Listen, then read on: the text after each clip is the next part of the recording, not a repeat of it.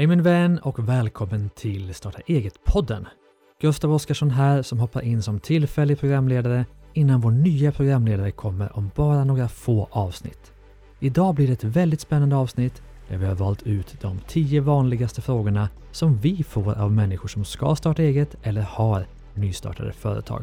Och svaren på frågorna får vi från Visma SPCS företagarexpert Bo Gunnarsson. Du får bland annat lära dig att sälja mer på nätet, att snabbt få ordning på ekonomin och att skydda företagets viktigaste tillgångar. Jag vill också nämna för transparensens skull att vi har ett samarbete med Visma SPCS.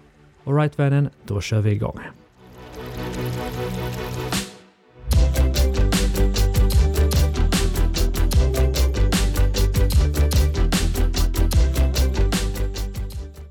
Varmt välkommen till Starta eget-podden Bo Gunnarsson.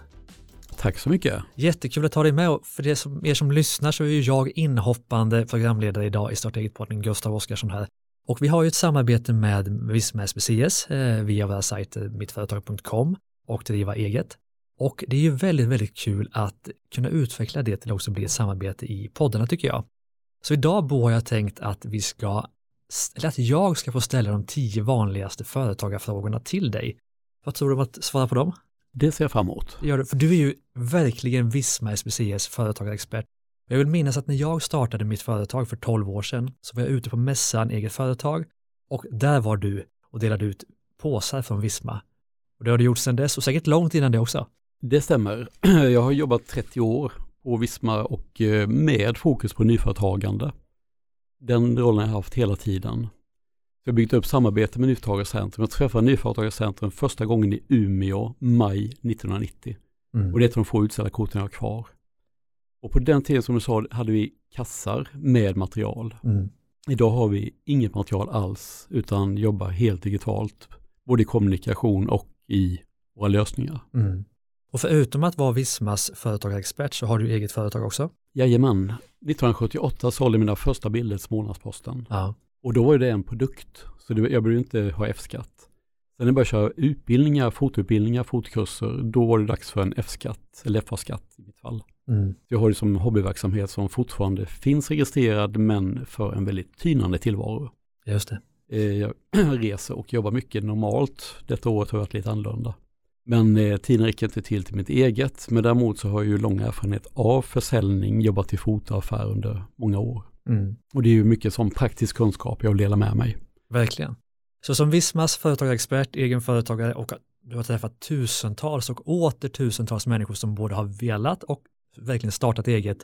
Så vi har tagit fram då tio företagarfrågor som vi märker att de här får vi båda två hela tiden. Och nu ska vi försöka hitta de ultimata svaren på dem, tänker jag. Men ska vi börja i, hur svårt är det att starta eget? Jag kan säga det är på pappret väldigt enkelt i Sverige. Det finns många länder mycket knöliga och det behöver mer pappersexercis och annat.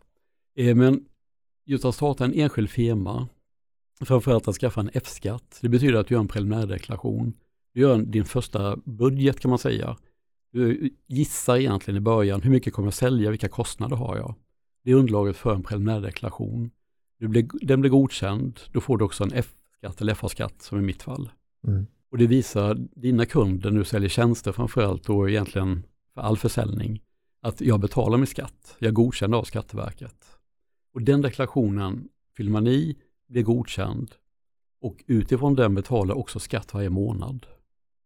Och det som är viktigt att tänka på att när du startar upp den, då har du en F-skatt, men detta är ett levande dokument. Mm. Det är så otroligt lätt att man kör samma hela året. Om det här verksamheten exploderar eller blir bara en bråkdel du har tänkt dig, då är det bättre att alltid betala rätt F-skatt. Och det är just att man, det påverkar din likviditet om du betalar för mycket varje månad. Mm. Och många där försöker väl att sätta den så lågt som möjligt ja. för att inte få betala för mycket skatt ja, innan det, man har pengar. Och det är ju det som är så kul, för man, ibland får jag frågan, nästan provocerande, hur gör jag för att betala så lite skatt som möjligt? Mm. Och det är jätteenkelt, sälj inget. Just det. Och det utan skatten det, Men det är inte dagens första tips att Nej, inte sälja utan tvärtom, för det är samhällsbetyg. Samhällsbetyg på dig, det är mycket skatt att betala. Går det bra att betala mycket skatt och då har du tjänat samhället tjänar. Just det. För alla småföretag bidrar till vår gemensamma välfärd. Mm. Så att komma igång med, alltså rent praktiskt med bolaget och F-skatt, det är inte speciellt svårt, men ska man välja, kort bara gå in på, ska man välja enskild firma eller aktiebolag, vad tycker du? är lite beroende på ambitionsnivån. Idag är det lättare att svara på den. Tidigare så var det ganska stort steg. Det var Ja. 100 000, det blev 50 000, det blev 25 Aktiebolaget. 000. Ja, aktiebolaget i aktiekapital. Idag är det 25 000 och det är lite pengar för en del och jättemycket pengar för andra. Mm. Så börja med att skaffa en F-skatt. Mm. Märker du att om detta växlar upp jättesnabbt, då kan man ta ställning till det. Och anledningen att registrera en enskild firma är att du skyddar ditt namn i länet, Mm. ett aktiebolag i Sverige. Just det. Men när man håller på med allt det här praktiska så är det också viktigt att fundera på när jag startar mitt företag. Många gånger tycker man att ah, jag har fått min F-skatt, jag blir godkänd, jag har fått mitt registreringsbevis på Bolagsverket. Men jag skulle vända på det, när du har din första kund, du skickar första fakturan och du kan ju i praktiken skaffa kunder innan du startar företaget. Mm. Och det är mycket lättare att komma igång om du har en eller ett par kunder. Just det. Du kan inte fakturera dem förrän det formalien är på plats. Mm. Och du kan till och med skaffa första kunden innan du har sagt upp det kanske från ett jobb. För att känna lite säkerhet i alla fall. Okej, nu har jag, nu har jag en kund, nu kanske jag vågar satsa på att skaffa enskilda firman eller Mm. Definitivt, om om man har en arbetsgivare som medger det så kan man ju faktiskt starta parallellt. Mm. Eller smyga. Förlåt? Eller smyga igång det. Ja, utan ofta är det bättre att man är öppen. Ja. Och jag jobbar ju själv på ett företag där jag har säkert 60-70 kollegor som har F-skatt och egna verksamheter. Där Mm. vi uppmuntrar till. Vi lever som vi lär, vi jobbar våra kunder, företagare och då ska vi självklart vara företagare själva. Mm. Är det något mer då man behöver tänka på när man startar eget? Eller är det liksom de här basic-grejerna för att komma igång? Framförallt det vi har pratat om här Ja. nu. Jag tycker det är det man ska Ja. tänka på att ta med sig. Så det är inte speciellt svårt, utan det viktiga är egentligen fråga nummer två då. Hur får jag de här första kunderna? Och det är ju det som egentligen är grunden i verksamheten, det är just att skaffa kunder.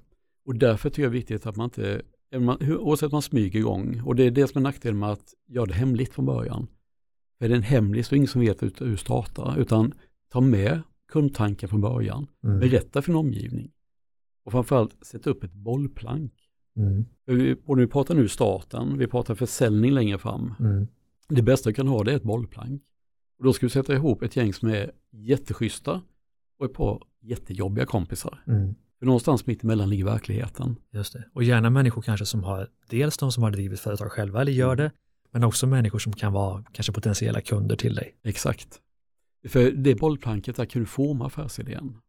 För det är inte säkert att du vet exakt vad du ska göra, men du vet att jag vill starta. Mm. Och vad du gör, det är bara en del av det, utan det är hur du gör det. För du kan göra samma sak som andra gör. Ibland är man jätterädd för att det är jättemånga som gör det. Vi gör det på ett annat sätt, på ditt sätt. Mm. Och det, då blir du unik på det sättet i ditt kunduppträdande. Mm. Just det. Men är det svårt att hitta kunder? Inte om du tittar, öppna ögonen. För på pappret kan man känna sig liksom, jag har min F-skatt, Ja. hjälper jag mina kunder? Ja. Men börjar du tidigare testa idén på umgänget, snälla jobbiga människor, Mm. men sen framförallt fråga. Och det mest, bästa exemplet stötte jag på på en mässa i Uppsala. Mm. Det var en person som ena året var på mässan, ville starta men lyckas vinna ett ekonomiprogram på utlottningen, Okej. på enkäten. Ja. Året efter så ser konferencieren, då är Kaxton Jocke, konferencier, han känner igen den här personen och frågar hur går det? Det går jättebra. För efter den mässan var så taggad så han gick runt och knackade dörr. Han bodde lite utanför Uppsala. Ja. Han går liksom runt och frågar vilka tjänster saknar ni? Och det efter en vecka så hade han full uppsättning kunder. Mm. Och just att fråga efter, ibland bestämmer jag ska göra det här, vad finns kunderna? Jag vill bli företagare, vad vill kunderna ha hjälp med? Just det. Skillnaden mellan att sälja och att istället kanske våga fråga vad vill du köpa? Exakt. Den är intressant. Men du var inne lite på det med det här med administrationen. Mm. För många tycker, eller tänker, jag tänker att många tycker att eh, ekonomi och administration verkar jobbigt. Hur ska jag få ordning på bokföringen och allt det där som verkar lite krångligt när man startar eget. Hur gör man det? Hur får man ordning på ekonomin och administrationen? Man kan säga att idag är det nästan minsta krånglet. Ja. För vet du vad du har sålt till vem? Det är ungefär det du behöver skriva in i ditt faktureringsprogram. Mm. Och det fina med att du skickar fakturan bokförs den automatiskt. Mm. Och så funkar ju moderna ekonomiprogram idag. Mm. Så det är egentligen det minsta problemet. Mm. Utan det stora problemet är att skaffa kunna genomföra uppdragen, få fram produkter eller tjänster som du kan fakturera. Mm. Och sen kan man säga att du gör ju en budget också någonstans och det är ju lite ditt träningsprogram för företaget. Just det. För Många gånger kan du betala jättemycket pengar för att gå på gymmet, träna, du har en PT, du håller på med det och det. Mm. Men samtidigt, hur tränar du själv i företagandet? Mm. Och här Det handlar inte om pengar, det handlar om att lägga ner lite tid på att bli kompis med programmet, lägga upp artiklar, tjänster. Mm. Och det gör man ju efterhand, så det är inget jättearbete. Nej. Och budgeten blir ditt träningsmål. Och budget kan ju, Och just med budgeten tänker jag att många gör ju en budget och så gör man det kanske en helårsbudget eller i vissa fall tvåårsbudget, vilket är helt omöjligt nu för tiden. Men säg att du gör en, en helårsbudget som många gör. Men sen glömmer man att följa upp den. Mm. Och den ska man ju såklart lägga in i programmet så att man varje månad troligtvis kan följa upp den och se okej, vad blev utfallet? Vad hade jag gjort fel i prognosen och vad kan jag lära mig av det till nästa månad? Så att du lär dig att prognostisera hur utfallet kommer se ut. det är otroligt viktigt. För det är både, som vi pratade om F-skatten innan, Ja, om det blir mer eller mindre omsättning påverkar det F-skatten, du ska Mm. betala rätt skatt. just det.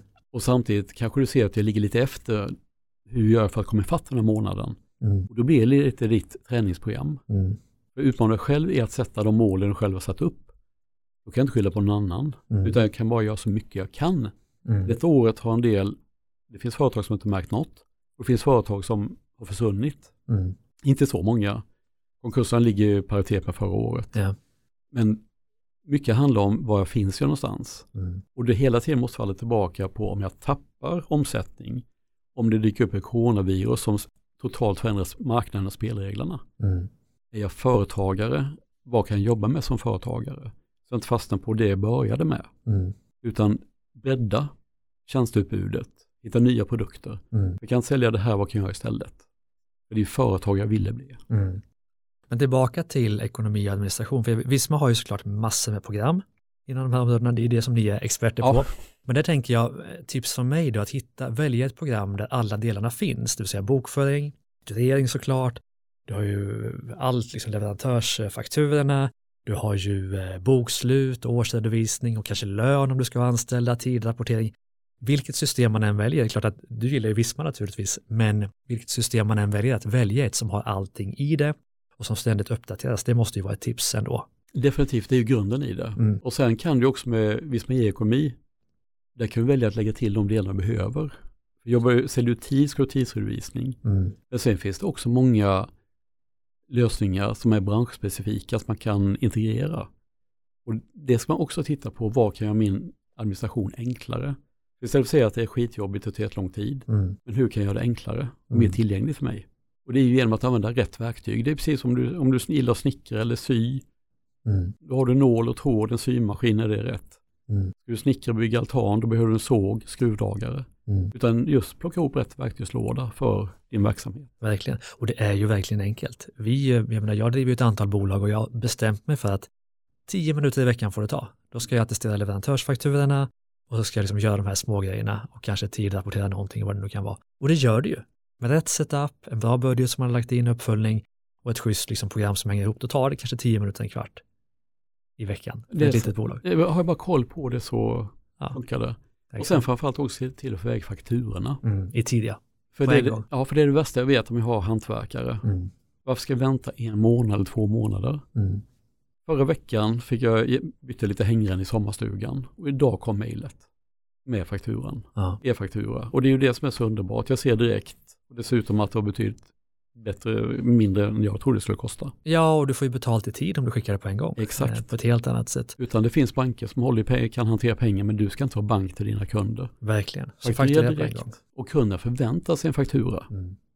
Nej, för verkligen, och vi kan ju komma in lite på finansieringen som, som vår fjärde fråga i den här, det här frågebatteriet. Hur finansierar jag företaget eh, när jag är nystartad?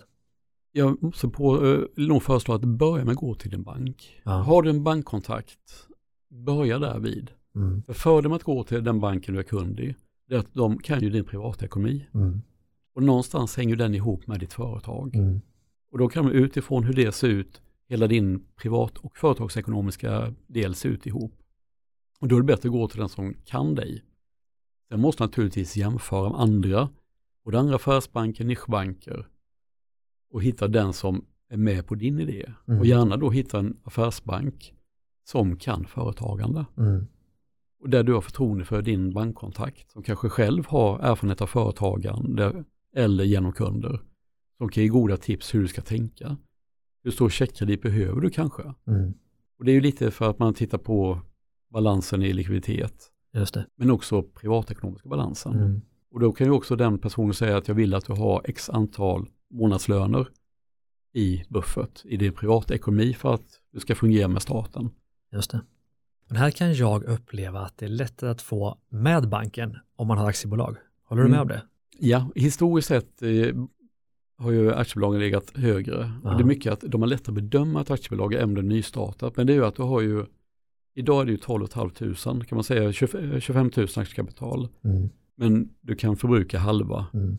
Så minst 12 500 måste finnas på det kontot. Mm. Men det är lättare att se, värdera aktiebolaget när du eh, kom igång, när du Mm. gjort ett bokslut och två bokslut. Och även att du kan göra periodbokslut i ett aktiebolag för att banken ska se hur det går och rör sig. Just det. Så de gillar oftare det, men framförallt också för din egen skull. Mm. Att du begränsar ditt ansvar till aktiekapitalet. Mm. Och därför kan vi också lägga till ett tips att går det bra för verksamheten, öka aktiekapitalet. Just det. Och ett alternativ till banken är ju Almi såklart, där man kan låna. Eh, du kan få kanske lite mer pengar ibland och du kan få en eh, lite mindre borgen personlig, men du får betala mer i ränta såklart då som nedsidan i det. Men förutom banken och Almi finns det bidrag man kan få när man startar eget. Eh, om du är arbetslös så brukar det finnas starta eget-bidrag. Mm. Men jag brukar säga att kan man starta utan bidrag så är det en fördel. För det är ungefär som du får första tanken när du köper en ny bil. Bjuder bilhandlaren på första tanken, när den är Mm. slut, då ska du ändå tanka. Jag tror att man sätter in i ett större sammanhang. Kan man få starta eget-bidrag, det är jättebra. Men bara väg in det i din totala ekonomi, så att du inte så faller med det. Mm.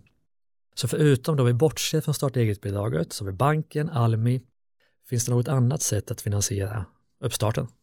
Det är de vanligaste sätten. Man kan säga att Almi har ju styrkan att de kompletterar med rådgivning. De jobbar ju med affärsrådgivning för företag och de kan ha olika former av stödinsatser men också Mm. mycket utbildning. Men annars det dagliga sättet att eh, hjälpa sin finansiering det är ju att fakturera direkt som vi sa tidigare. Just det. Har du ett aktiebolag då är det en till fördel att du kan få betalt direkt. Mm.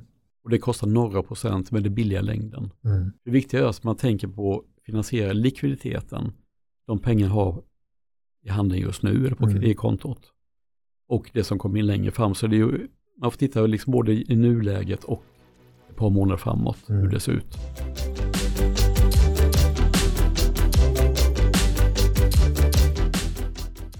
Vi är väldigt stolta över att ha Visma SPCS som sponsor till det här poddavsnittet. För visste du att flest företagare i Sverige väljer Visma SPCS för sin bokföring, fakturering och lönehantering? Att driva företag det ska ju inte behöva vara onödigt svårt och i de här tuffa tiderna så är det extra viktigt att få stöd i att hålla koll på sin ekonomi och, och underlätta vardagen.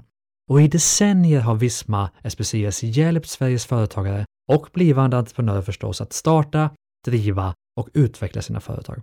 Och vi som företagare, vi behöver stöttning i allt det som kan kännas svårt med att driva bolag. Ekonomin och lönerna och bokföringen. Och så med hjälp av kunskap och digitala lösningar och smarta ekonomiprogram så gör Visma SBCS allt för att du ska kunna göra det du gör bäst, att driva ditt företag framåt.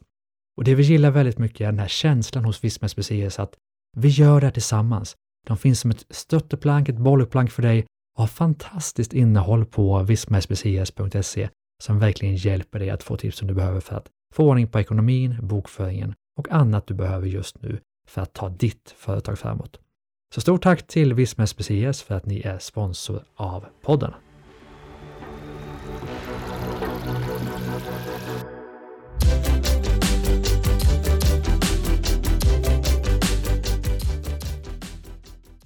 Vi borde ju säga någonting om likviditet överlag, för det är många som blandar ihop likviditet med resultat. Och så helt plötsligt står man där utan pengar i kassan. Det kanske går jättebra för bolaget, Mm. men du har inga pengar i kassan och kan inte betala leverantörsfakturan. Varför hamnar man där? Eh, återigen en likviditetsbudget.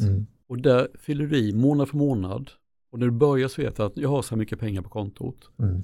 Hur mycket räknar man att sälja, alltså intäkter och kostnader. Mm. Och hur mycket är kvar på kontot när månaden är slut. Mm. Flyttar över det till nästa månad, balanserar över. Mm. Och då ser man kanske framåt, när vi vet om, jag säga att jag startar en verksamhet i januari. Mm. Bygger upp den sakta, men jag ska sälja sommarprylar. Det kan komma en container för 700 000 Mm. i maj. Jag har inte en spänn. Mm. Men eftersom jag har sålt det, då har jag en och en halv miljon på kontot. Mm. Och kan jag visa banken så här ser det ut, där kommer leveransen och så här ser säljplanen ut. Just det. Då är de med och kan bedöma. Så det handlar mer om att vara förberedd. Mm. Och det är lite, man brukar säga att vinnaren har en plan, förloraren har en ursäkt. Mm. Och kom inte i den sitsen att du ska leta ursäkter. Mm. Utan så mycket man kan. Sen kan det hända saker för våren har visat ett exempel. Mm. Det går inte att planera för eller mot pandemi eller något Mm. annat. Men man måste ändå tänka krasst framåt. Ja, du ska ju alltid ha, gör du en budget så gör en vad du tänker att det ska bli Mm. Och så gör du en best case som du kan satsa mot som är peppande och laddande. Jajamän. Och sen gör du en worst case som att, ja men då kommer det kanske en pandemi här. Ja, Hur kan det gå då? Klarar jag mig då? Har jag privatekonomi som klarar det? Och exakt. så vidare. Så alltid worst case och eh, realistisk och eh, även en best case tycker jag. Definitivt. Men du, eh, vi snackar ju lite om att hitta nya kunder, men idag så handlar det så mycket om de digitala kanalerna. Hur når man ut i digitala kanaler, sociala medier och liknande? Jag skulle börja med en motfråga. Ja. Hur gör du som ska starta företag själv när du ska handla? Ja. Eh, Dina kunder gör förmodligen ungefär likadant. Mm. Och du vet ju att nästan alla inköpsresor börjar med att man googlar. Och då kan du fundera på att googla själv, då googlar förmodligen dina kunder också. Och då kan man fundera lite på just en digital resa, hur kan mina blivande kunder hitta mig? Mm. Det är ju där som är väldigt lätt att man gör på ett annat sätt när jag är företagare än jag gör privat. Och det gäller ju att få kontaktyta mot Mm. Google, som kan vara jättelätt i vissa branscher och omöjligt i andra branscher. Mm. Utan man får klura lite på vad jag tror att mina kunder googlar. Och ett tips är ju att har du en produkt i handen, visa de här, plocka fram de här fem snälla, fem jobbiga kompisarna Mm. och berätta detta är min produkt, vad skulle du googla? Mm. Då får jag kanske fem förslag, väver in det i texterna. Mm. Många gånger tänker man liksom för stort, krångla till det, utan det handlar om att hitta orden som jag tror i början Mm. och sen efterhand märker jag att om det här funkar, jag får träffa där eller inte. Mm. Och då får jag ju om läxan.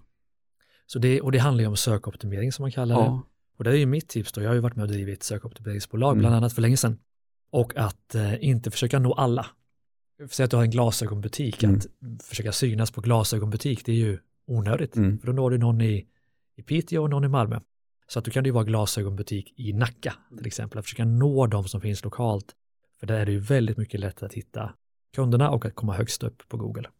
Men visst finns det också tjänster där man kan se vilka sökord som är heta och aktuella i din bransch. eh, det enklaste är Google Trender. Mm. Google Trender visar sökvolymerna. Mm. Och det är ju allt från när jag skriver texter heter det det ena eller det andra. Säg att jag är snickare till exempel. Mm. Då kan jag se när under året och hur många googlar snickare. Mm. Men det upptäcker sen när jag jämför med elektriker så kanske elektriker ligger högre. Mm. Och för två år sedan när jag gjorde den jämförelsen, då var ju elektriker var efterfrågade året om utom i julveckan. Mm. Och snickaren låg lite längre ner. Ja. Och märker då att det jag jobbar med, det finns andra som har högre sökvolym. Men skriv då i texten att jag är snickare, jag jobbar ihop med de bästa elektrikerna. Jag hjälper dig till ett färdigt badrum eller kök. Mm. Och då snyltar man ju på ett sätt som är okej. Så man inte lurar kunder. Just det, men det kommer upp på båda. Ja, man har större chans att komma dit. Ja, Sen är det sagt var olika långresa för att komma dit. just det. Men tänk till och sen just hitta lite ord kring vad du tror att kunna googla, synonymer. Så att man skriver samma ord för många gånger, det funkar inte idag, det gjorde det för tio år sedan. Just det. Ja, men det är intressant och för jag tänker ju att en viktig del i att synas på nätet är att göra sig själv till expert. Mm. Jag menar, säg att du ska, vi var inne på snickare, elektriker, säg att jag ska eh, köpa eller bygga en altan till exempel. Ja, men då kanske jag googlar då på bygga altan eller hur gör man en altan bäst? Och hittar jag då ditt företag där som du kanske delar med dig om, om olika tips hur man ska tänka, vilka plank man ska använda, Mm. kanske finns en YouTube-video där du berättar hur man ska bygga vinklarna. Inte vet jag, jag har aldrig byggt en altan och kommer aldrig göra det. Men typ va. Och finns du där som expert då, då kommer du, du kommer du alltid vara top of mind och sen kommer de inse när de har köpt alla de här planken att nej, det här var inte kul, det här var svårt. Och då finns du där som experten just den här personen, kunder. Så att dela kunskap tycker jag också är eh, superviktigt. Men när man väl då har fått in kunden i sina kanaler genom sökoptimering eller genom sociala medier eller vad det kan vara, hur får man dem att, att köpa digitalt? Mycket handlar om att vara relevant, så att du inte lurar in någon, utan Mm. att du verkligen landar rätt. Och precis så inne på med kunskapen, Mm, ha filmklipp som visar mm, vad du gör. mm. Jag kan bara ta, till skillnad från dig så gillar jag att bygga altaner. Jag Du bor, gör det då och då? ja, men allt sånt, Ja. eh, som man kan, såga skruvar gillar jag. Ja. Men sen kommer det till gamla fönster, vårt hus är byggt 34. Ja. Du kan tänka dig att renovera dem, kopplade Verkligen. fönster. Mm. Och sen när jag frågar på målerifirman vad kostar att renovera dem, det är en förmögenhet. Mm. Och jag är smålänning, okej jag gör det själv. Men då googlar jag hur gör man? Ja. Men den som visar man gör visar också varför det kostar så mycket. För går man igenom steg för steg, Mm. så precis som du sa innan, expertrollen, det ökar värde på din tjänst. Mm. För då förstår man varför kostar det si och så mycket. Ja. Och då får man ett värde i det. Mm. Det ökar också din trovärdighet. Om du visar man gör, då kan du det här. Mm. Det är ju det jag vill anlita. Jag vill att fönstren ska hålla 15 år, inte 3 år. Mm. Så det är otroligt viktigt att man vågar. Men också att man tänker att man kommunicerar säljbiten, kunskapsbiten Mm. på webben. Komplettera med sociala medier som är relevanta för din målgrupp. Ja. Och där har du kommunikationen. För 74% använder Facebook i Sverige ungefär. Mm. Och det svenska är internet. Man kan se lite ungefär, men i de takterna. Mm. Men vad använder man till och hur kan man få en synlighet därvid? Mm. Genom att någon annan kanske då som ska renovera fönster eller bygga altan ser men här är ju ett företag som de är jätteduktiga. Mm. Och då finns där jag finns. Mm. Geografisk relevans så att man inte når hela Sverige. Mm. Och sen framförallt att man får en fokus på nyttan med det du gör. Ja, men lite kundnyttan kan vi väl komma in på. Ja. För att det handlar ju inte enbart om att få in kunden en gång, utan lika mycket att skapa en merförsäljning och, och få en återkommande kund som kommer igång eller kommer tillbaka månad efter månad. Hur skapar man kundnytta? Alltså hur förstår man vad kunden vill ha? Mycket att det handlar om vad kunden får ut av det. För tar vi, pratar vi fönsterrenovering och att det kostar x antal tusen att renovera ett fönster och du har 15 fönster. Det kan kosta 100 000, 100-150. Mm. Men det är inte det som är intressanta. Hur mycket ökade värde på din boende? Mm.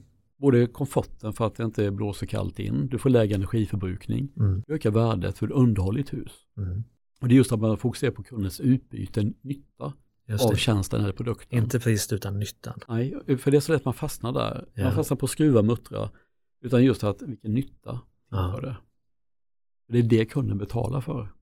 Och då har man ju ett värde i det och inte bara liksom, om du inte ökar värdet alltså på en produkt eller tjänst, då kan kunden jämföra två stycken, A och B, där A kostar si och andra kostar så mycket. Just det.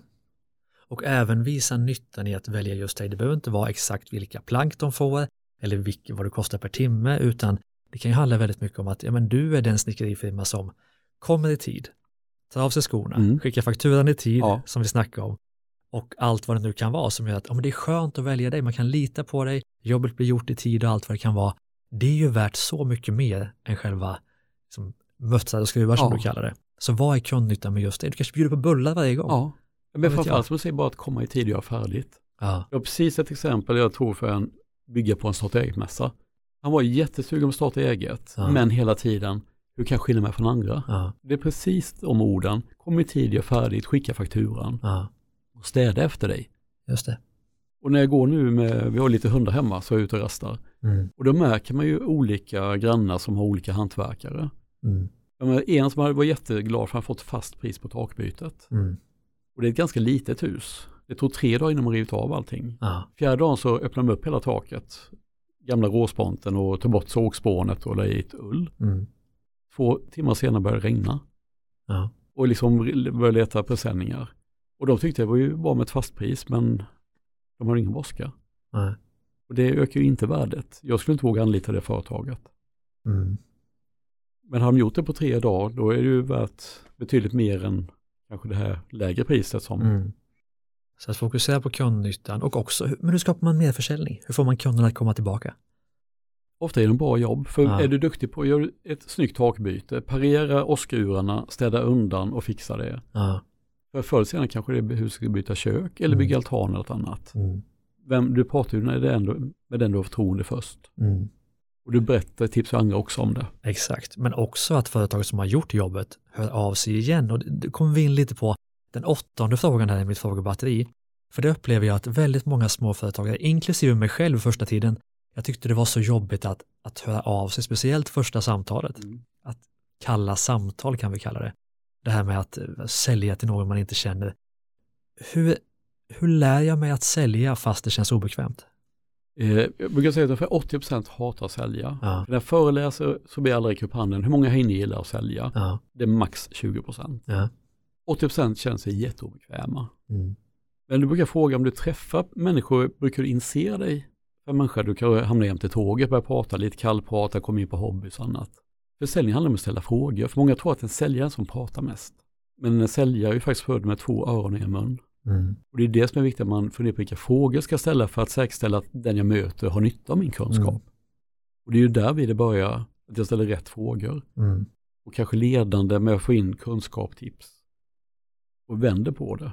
Och sen likadant med just kalla samtal. Mm. Och de dyker ju fortfarande upp, gång på gång mer eller mindre relevanta. Ja. Både till mig när på, som för, företag, till mig som privatperson. Mm. Men ett tips där som jag lärde mig av en eh, företagare för många år sedan, det var att skicka ett sms om du ska ringa till biltelefonen. Gör det en dag innan. Att imorgon vid tio tiden är det okej med att kontakta dig för jag har ett erbjudande som jag tror att du Mm. är intresserad av till nytta för det och det. Mm. Och utfallet på samtalen dagen efter ökade markant. Aha. Det väckte lite nyfikenhet. Så var nyfiken på dina kunder. Men också nyf- alltså våga testa det här med att ställa frågor. Mm. För ställer du rätt frågor, och det gäller, prata med en villaägare till exempel, liksom, du har ett himla fint hus. Hur gammalt är det? Mm. Och där kan man komma in med fönster och när bytte du tak senast. Mm. Och säger man 40 år på taket, då kanske man kan gå vidare med att då börjar det bli dags att Mm. titta på taket. Ska vi... På allvar vill jag hjälpa till. Gå in med hjärta och säga, Ja. "Men jag vill hjälpa den här människan. Då Ja. känns det inte, jag vill inte sälja någonting. Nej. Jag vill hjälpa till. Exakt. Ja men går du på en massage, det är ju, du går ju självmant dit, du betalar Mm. pengar för att få hjälp med dina problem. Ja. Och det är ju oavsett vad det är. Men just våga ställa frågorna. För ställer frågorna så blir det mycket lättare att eh, presentera en lösning som är till nytta för kunden. Mm. Man får bort dem och gå på säljknappen. Just det. Och det är en sån grej som är, det är så på mässor. Mm. Jag kan ta ett steg fram och säga hej, vi säljer bokföringsprogram. Mm. Vad säger du då? Nej tack, jag bara tittar. Ja. Men så vi på starta eget-mässa, då är första frågan, är du på väg att starta företag? Mm. Ja, faktiskt jag funderar lite, ja, vad ska jag jobba med? Jag tror jag på du ska, vilken verksamhet etc. Det är först då jag kan ge förslag. Absolut. Och då kanske den personen sagt att ja, men det här med bokföring fattar jag ingenting av. Ja, men får vi visa hur enkelt det är. Mm. För grejen är att faktura är kul att skicka och den är ju automatiskt bokförd. Just att avdramatisera Ja. och fokusera på nyttan för kunden, upplevelsen, utbytet och inte tekniken bakom. Och kalla samtal måste ju inte vara på telefon. Nej, Vilket alla. Det kan ju lika gärna vara att du går förbi en skomakare och tänker Mm. att de här skulle ju ha nytta av ett nytt skyltfönster. ja, Så går du in och säger du, jag såg ditt skyltfönster, det är ju fantastiskt. Mm. Har du testat det här nya sättet? Eller vad det nu kan vara. ja, Dåligt exempel, men du förstår vad jag menar. jajamän. Så kalla samtal behöver, kan ju vara mer varma än, än de kalla Ja, och, telefonsamtalen vi tänker på. och likadant är att lär dig mycket av vad googlar kunder. Ja. Det är likadant om man står på mässa. Fundera på, när du vet vad du säljer, vad, hur många googlar på det? Mm. Så man liksom väcker tanken så du har en koppling från Google till samtalet. Just det. Man använder rätt ord, där vi som man får igenkänning. Ja. Intressant. Men du, jag vill gå vidare till nästa fråga, för jag upplever att många kommer till oss. De har startat igång bolaget och de har haft en väldigt god motivation och entusiasm och nu ska de förändra både världen och sin egen värld och kundernas värld. Men sen efter ett tag det börjar bli lite tufft och kunderna säger nej och det kanske går lite sämre än det gjorde i början. Hur behåller man entusiasmen och motivationen då? Jag tror att du måste vara nyfiken på det du Mm. gör. Att leva med nyfikenhet, för det nyfikenhet har gjort att du har startat ett företag. Mm. Nyfikenhet måste driva dig att lära dig mer. Jag ska växa med en kund, då kan inte du liksom ligga kvar på nivå ett. Nej. Då måste du ligga steget före, Mm. utveckla en kunskap. Och det kanske är att snickaren börjar då med att byta tak för att sen byta kök. PTn jobbar med träning, idag ofta kostråd. Mm. Så att man hittar liksom hur kan jag utveckla min verksamhet på ett naturligt sätt. Och hitta fler tjänster, fler kontaktytor med min kund. Mm. Och då måste jag själv vara nyfiken på att lära mig mer. Mm. Och tar vi bara, vi pratar om sociala medier, vi pratar om webben. Och den förändras ju. Det som var logik för tio år sedan, för fem år sedan, det är helt annorlunda idag. Hur Google hanterar dina textval, ordval Mm. och hur det presenteras. Och också i en match där en del branscher finns det stora företag med jättemycket muskler kan lägga obegränsade pengar på att köpa ord. Mm. Och då måste du ändå mer klurig på att hitta de här. Du måste hitta vägen att nå dina nya kunder genom dina befintliga kunder. Mm. Det kostar inget. Det kostar engagemang, Mm. men också att göra kanske lite mini-enkäter. Det får du från alla håll. Mm.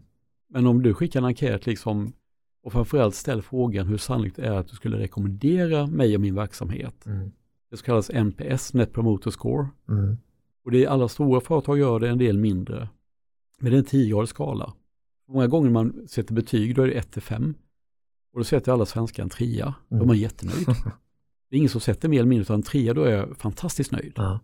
Men NPSen, det är 9 och 10 som räknas. Mm. 7 och 8 är inte värda någonting. Mm. Och 1 till 6, de är missnöjda. Mm. Och det gäller att höja 7 och 8 till 9 10 Just det. och inte börja längst bak, utan gör halvnöjda kunder till jättenöjda. Mm. För då ökar chansen att de berättar om andra. Och just att göra dina kunder till ambassadörer för din verksamhet. Mm. Du Ja, kommer intressant. dit när kunder ringer och säger, det var, jag fick tips av en kompis. Mm. Där har du bästa betyget. Just det. Så engagemang och motivation handlar mycket om nyfikenhet. Att ständigt vara nyfiken, ständigt utveckla sig själv. Men det jag vill lägga till också, det är att försöka umgås så mycket som möjligt med andra människor som driver företag och har mycket energi för att du lyfts av det, du får energi av det, du hittar nya idéer. Så att vara i dem, alltså att det är jobbigt, eller jag vet att det är jobbigt att driva företag och inte umgås med andra företagare, utan man behöver vara i de sammanhangen, i olika nätverk, det kan vara evenemang, det kan vara på nätet. Men det är mitt, eh, ett av mina viktigaste tips faktiskt. Definitivt. Men du, ska vi avsluta med en viktig fråga? Eh, behöver man skydda sitt varumärke som företagare? Jag tycker det. Mm. Det är dels av praktiska skäl, men det är också en stolthet. Ja. Och det är lite när du kommit dit här, antingen från staten, eller du kommit igång en bit, just att du vill skydda Mm. ditt företagsnamn. Och det är ju antingen, en enskild firma har ju namnskydd i länet, aktiebolag i landet, men ett varumärke, det kan vara ett koncept du har utarbetat, en metod att byta tak, en metod att träna Mm. människor. Oavsett vad du jobbar med så kan man ju, är det ju lite extra stolthet. Mm. Och det man får då är en symbol. Eller man kan skydda en symbol eller ett namn. Mm. Men det viktiga också med att prata varumärke, det är ju dels den stoltheten, men framförallt hur lever ditt varumärke? Mm.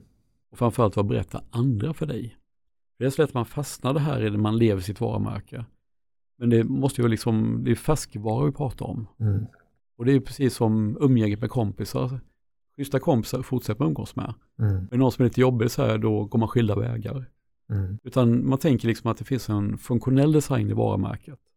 Och det är liksom din produkt eller tjänst. Men också en emotionell att det känns bra att göra affär med dig. Mm. Och lika väl som att det är ekonomiskt. Ekonomisk dimension, det är inte bara i Småland vi är ekonomiskt tänkande.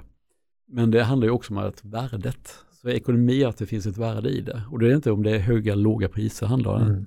Det är inte det det handlar om. Utan det handlar om värdet du som leverantör levererar till mig. Mm. Och sen många gånger då en social dimension. Mm. Du väljer du själv, det måste komma in naturligt hur man verkar i samhället. Och kommer du på mindre orter, då är det ganska vanligt att även minsta företagen stöttar olika föreningar. Mm. Men du ska själv välja, ska vara en- logiskt i din värld. Och det kanske är att du lägger frivillig tid på någonting, oavsett vad det är för typ av förening. Mm.